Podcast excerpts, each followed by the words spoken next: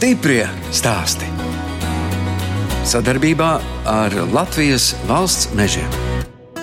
Jo zvana cilvēki, kur ir 23 centi jau pa pienu, vai teikt, pa 10 centiem piena cena ir nokritusies.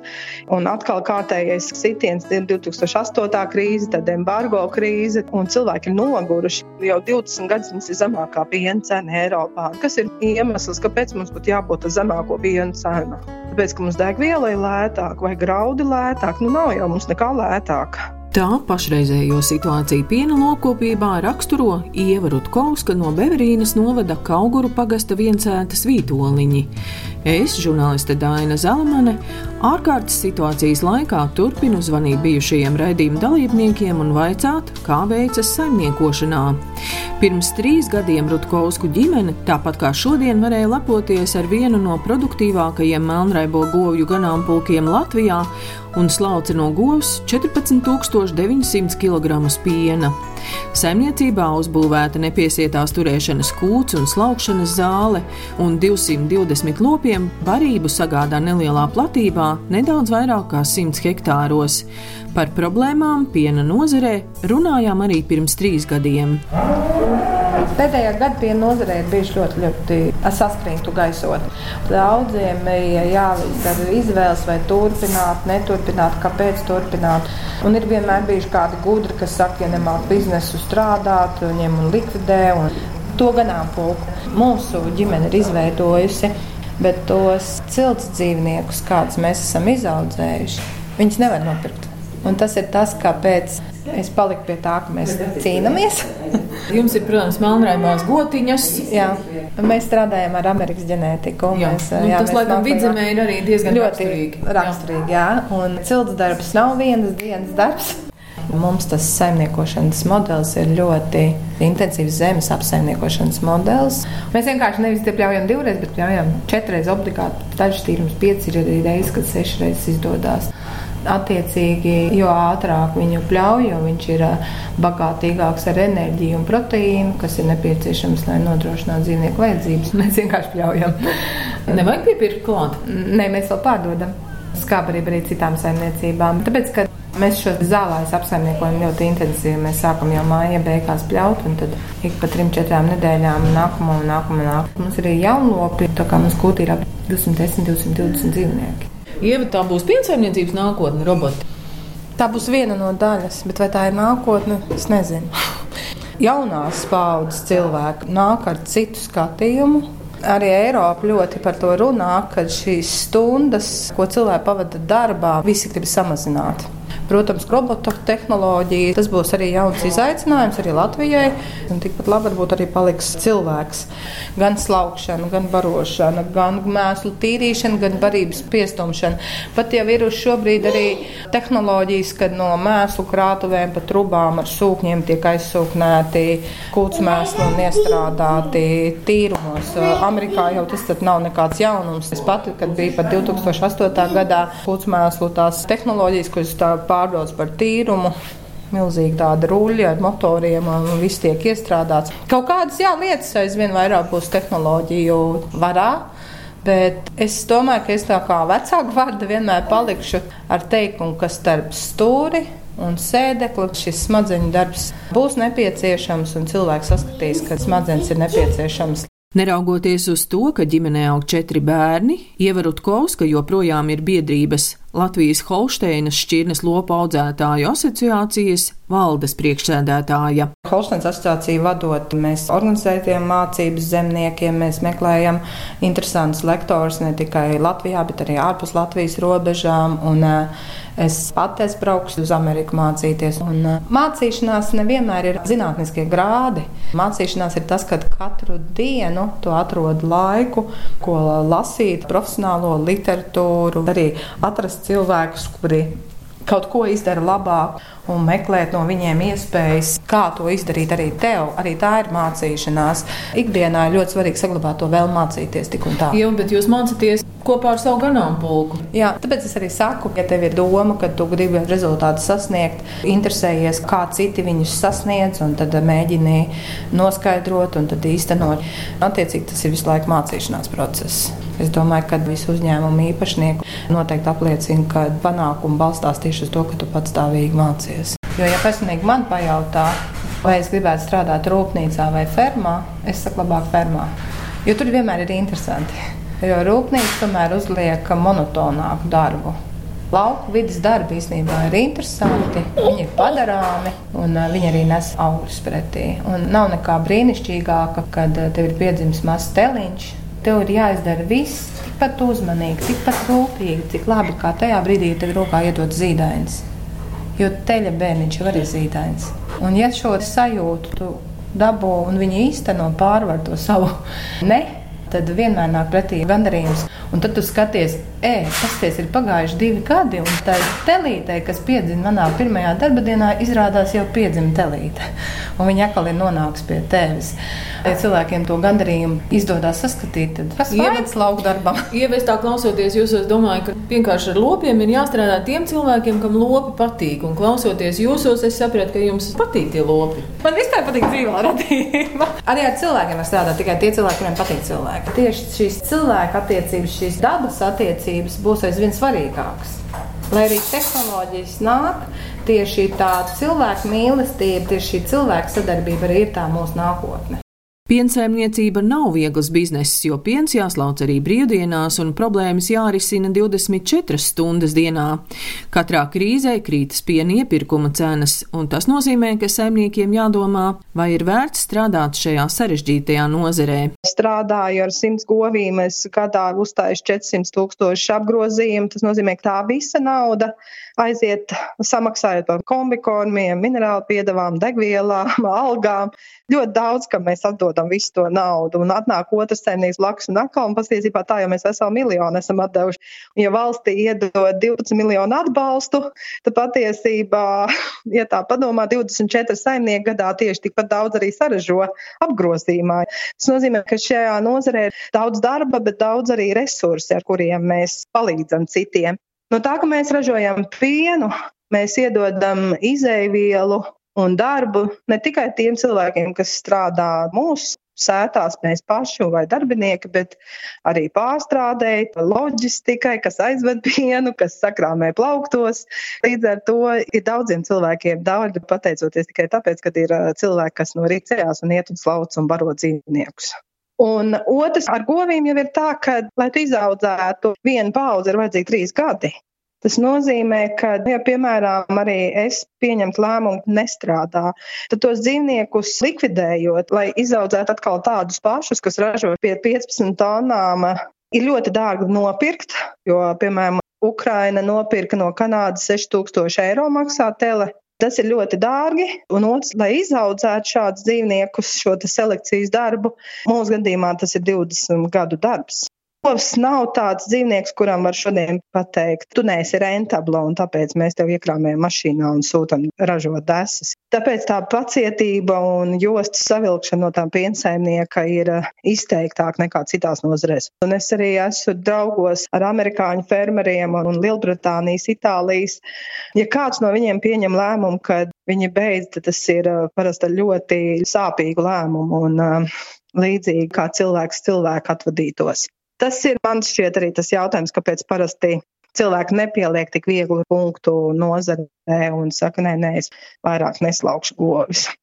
Bet uh, kādā brīdī tas arī var pielikt punktu, un to arī redz, ja cilvēki saslimst, ja paliek vecāki, ganāmpulki tiek likvidēti un saimniecības izbeidz ražošanu, jo nesaskata nākotni tajā visā. Un lielākā sāpe ir tajā vai no tā, ka mums ir netik viegli tie, kas esam, vai mūsu bērni arī gribēs uzņemties šo stāstu, kurā patstāvīgi dzird, kad ir jāpārvara ļoti, ļoti liels grūtības. Un tas ir jautājums, kas varbūt liek mums aizdomāties, kas, piemēram, pēc 20 gadiem saimniekos Latvijas laukos. Un tepat nav par ko uz kādu dusmoties vai vainot pat kādu vienkārši, kur aicis tur cirpē parasti tā saka. Ja mēs ļaujam, ka to piena cenu var maksāt mazāk, tad viņi arī tiek maksāt mazāk. Jo tur rītdien nevar pateikt, nu, mēs pienu nepārdosim, jo mēs viņu uzglabāt nevaram. Tas nozīmē, ka viņš ir jālai ārā, bet uh, rēķini ir jāmaksā. Ir jāmaksā bankām, ir jāmaksā piegādātājiem, jāmaksā darbiniekiem. Līdz ar to tas piensaimnieks ir tādā mazliet stūrī iespiestā situācijā salīdzinot pret citām nozarēm. Mums Latvijā Vienmēr ir bijis tāda īpatnība, ka lielākas ražotnes saņem labāku, un tie, kas ir mazākas, tās saņem mazāku cenu. Un arī uz šo brīdi es zinu, ka Latgals pusē ir saimniecības, kurām ir vairāk kā 10 centu šķērs starp lielākajām saimniecībām. Man ir vairāk jaunie piensaimnieku pusauģi, kur aug nelielās saimniecībās, bet patiesībā ļoti strādīgi un gudri bērni, kuri dienu sāk ar to, ka viņi piecos augšā, viņi palīdz vecākiem saimniecībā sabarot dzīvniekus un tikai tad iet uz skolu.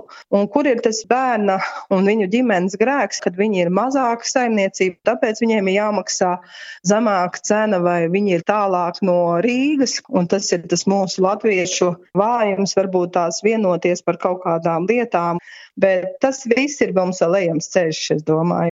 Ieva Rutkovska stāsta, ka prieku viņai sagādā darbs ar jauniešiem, kas tāpat kā citi jaunie piensaimnieki Eiropā, piedalās īpašos dzīvnieku šovos.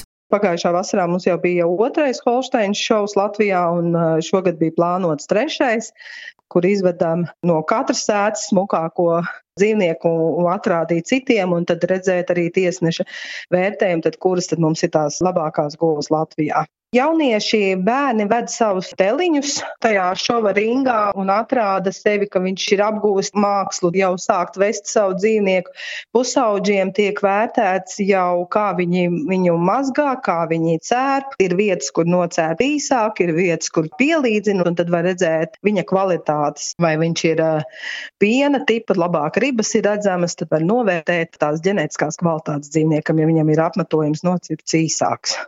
Un kā viņi izved ringā, izstāda to dzīvnieku un mācās saprast ģenētiku un kas ir dzīvnieka stiprās puses, kas ir vājās puses, un tad tās arī izcelt vai pietušēt. Un tie, kas ir tādi spēcīgākie, jo tur notiek konkursi, tad viņi brauc uz Eiropas piensaimnieku skolu, Beļģijā uz nedēļu apgūt zināšanas, un pēdējā dienā, sestdienā, notiek arī sacensības, kurš no jauniešiem individuālāk spēcīgākais, un arī pa komandām tiek vērtēts. Un pagājušā gadā, 4. gadu Latvija piedalījās un uh, iekļuva top 10 uh, no 25 valstīm 9. vietā.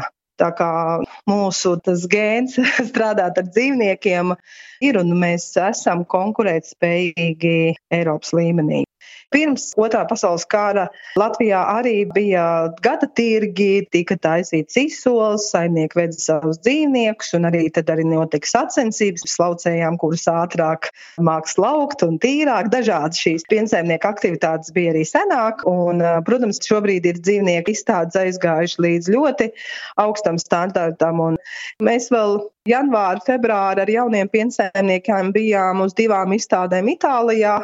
Februārī pēdējā nedēļā Vācijā bija otrais atklātais čempionāts. Tā kā mēs ļoti intensīvi bijām gada sākumā strādājuši, un uh, tad Covid nolika mūs pie miera, lai mēs atkal pārdomājam daudz ko un sastādām atkal mērķus un varam atkal varbūt skatīties nākotnē uz priekšu. Pirmā brīdī radās tāda sajūta, kas tad mums, katra zemnieka saimniecība, ir sava republika, bet patiesībā ir ļoti daudz ārējie kontakti. Pirmkārt, tas ir darbinieks, kurš tomēr brauc un nāk uz mūsu uzņēmumu, un, protams, tā ir pienmašīna, tās ir piegādas kravas un speciālisti. Man ir liels prieks, ka Smiltenes piena savākšana ir bija izrunājuši ar šoferi, kā pasargāt pašiem sevi un saimniecībās, ievērot šos drošības protokolus arī.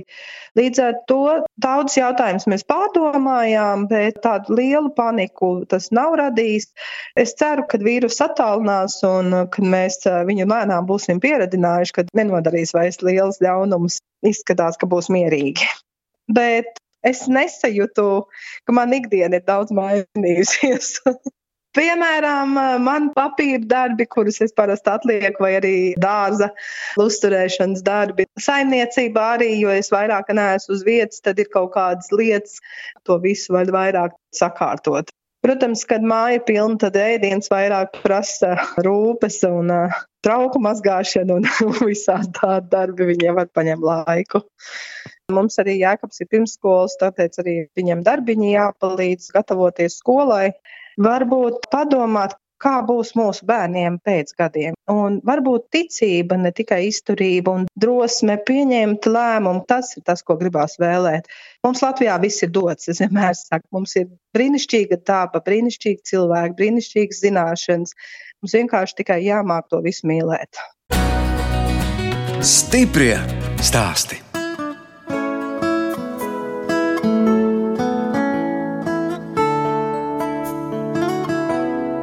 Jūs klausāties raidījumu stipri stāstī. Kad zvanu uz cēsīm audējai Dagnijai Kupčei, izrādās, ka viņa manu telefonu zvanu jau ir gaidījusi, jo amatnieki strādājot labprāt klausās radio.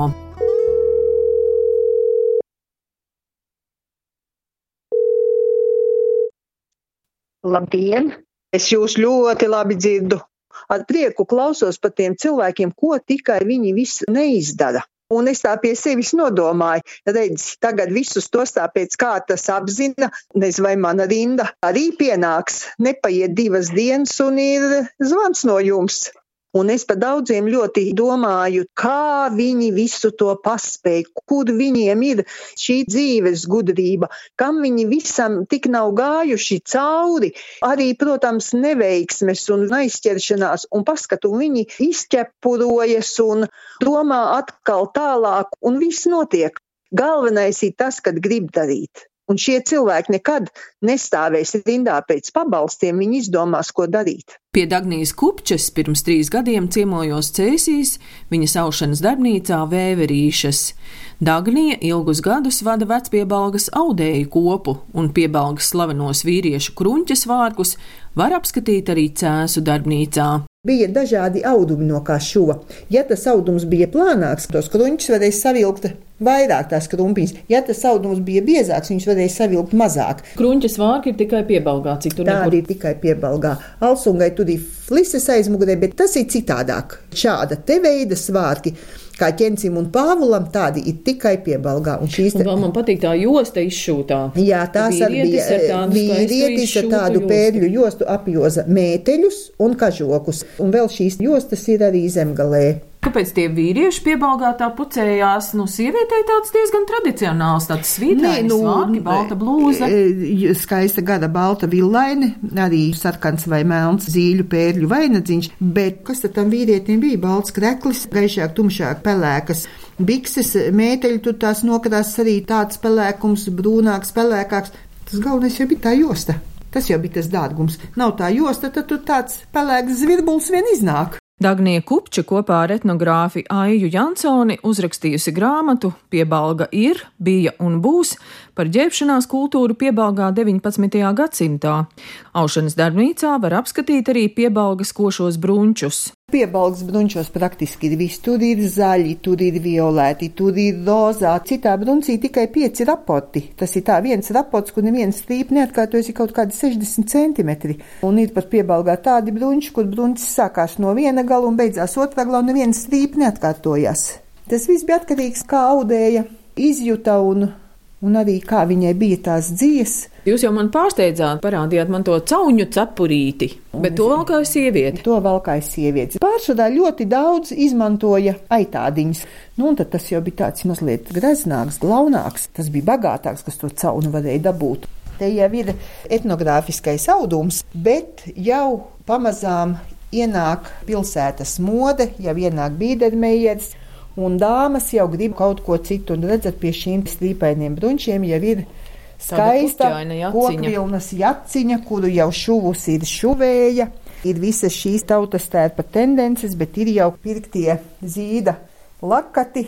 Otrs ir šīs tērps. Tas ir lejas ciema bruncis, etnogrāfiskais pilsētas šuvēja jau ir uzšūsi no šī auduma, arī jaciņu klāt, un jau ir moderna meitene, var sakot, dzīve iet uz priekšu. Kas tik te viss nav zeķes? Mauči!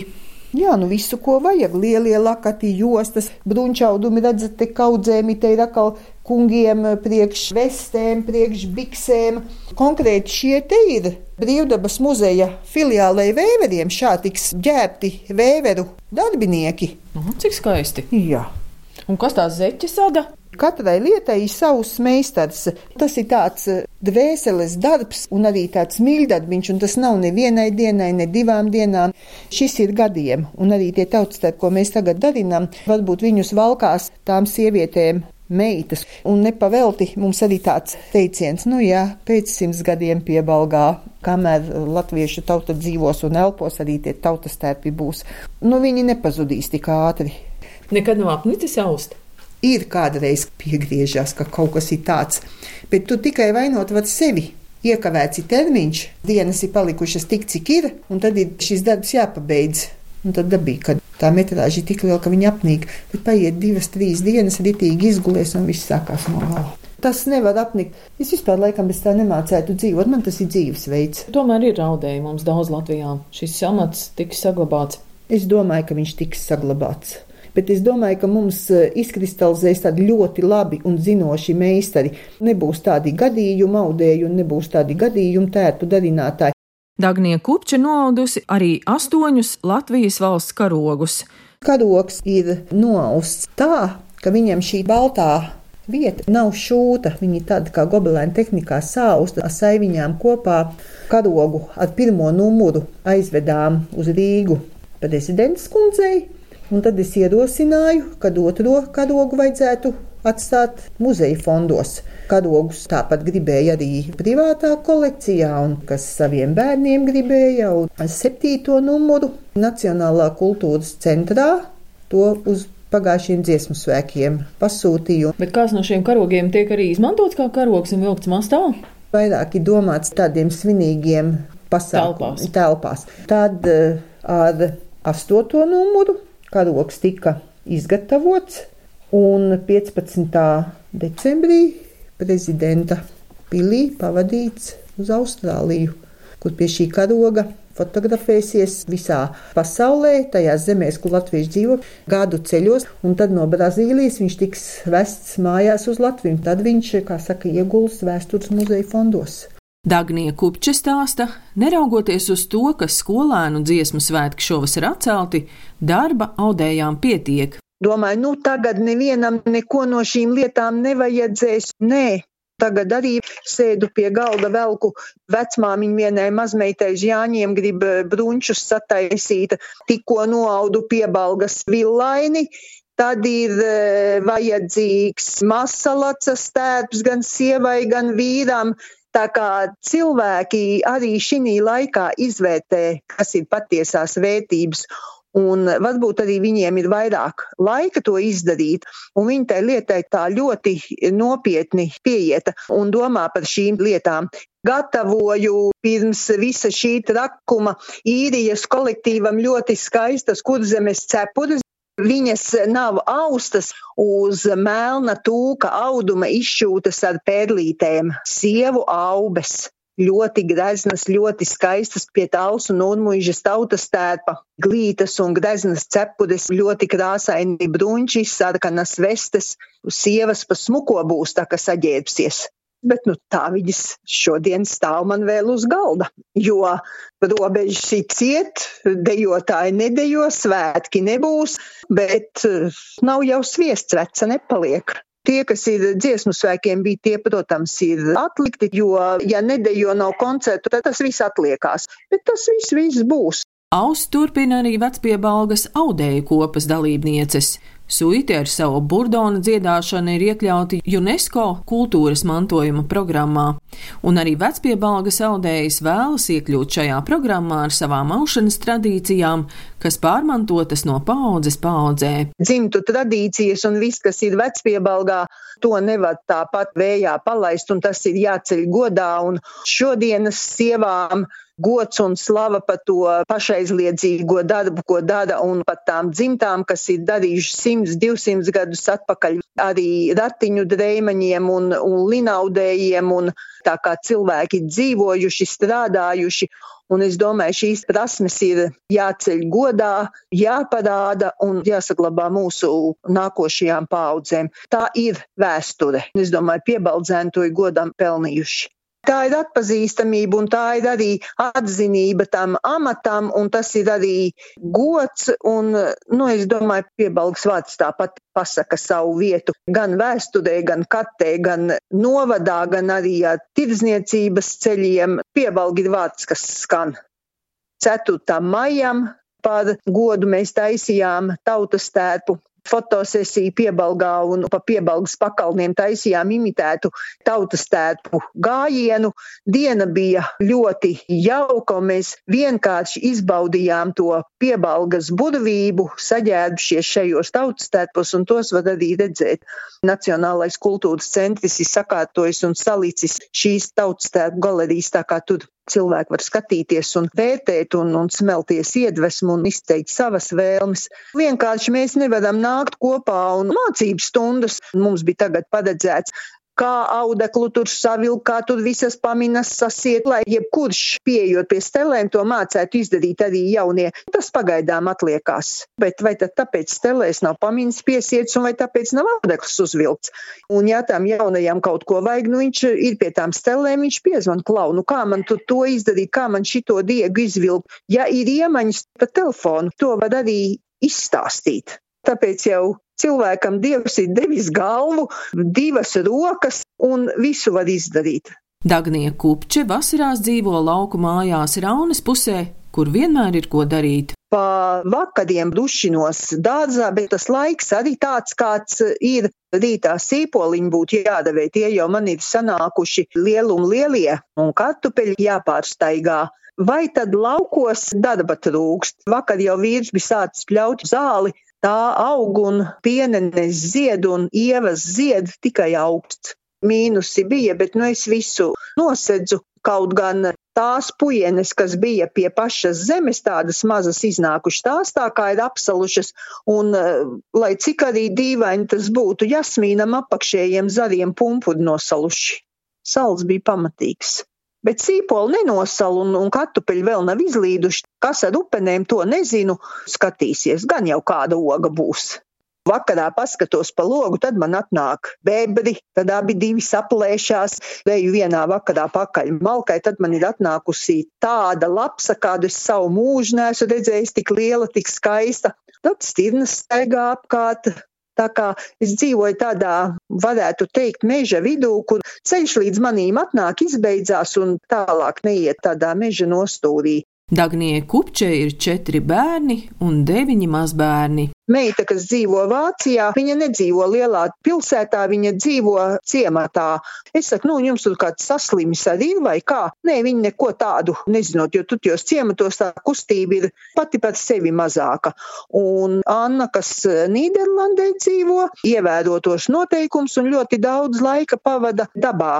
Tad dēls man pa liepāju pa laukiem, pa vecpili. Meita pat Rīgu strādā attālināti, iet skolā ar saviem četriem bērniem, piestrādā par skolotāju, kā jau šajos laikos.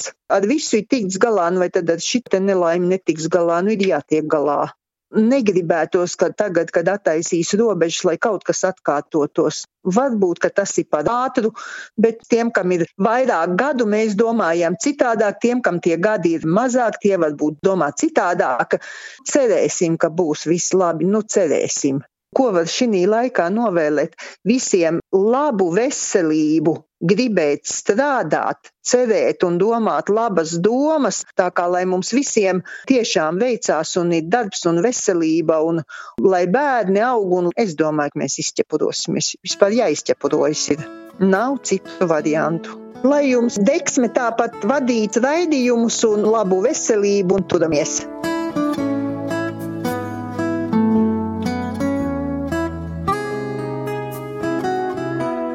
Redījums stipri stāst izskan, un es atvados no Dagnijas kupčes, kas kopā ar vecpiebalga saudējām arī krīzes laikā turpina čakli strādāt, bet 90 slaucamo goju ganāmpulka īpašniece Ieva Rutkovska kopā ar ģimenes saimnieko Beverīnes novada Kauguru pagasta vītoliņos. No jums atvedās žurnāliste Dāna Zalamane un operātore Inga Bēdele, lai tiktos atkal tieši pēc nedēļas.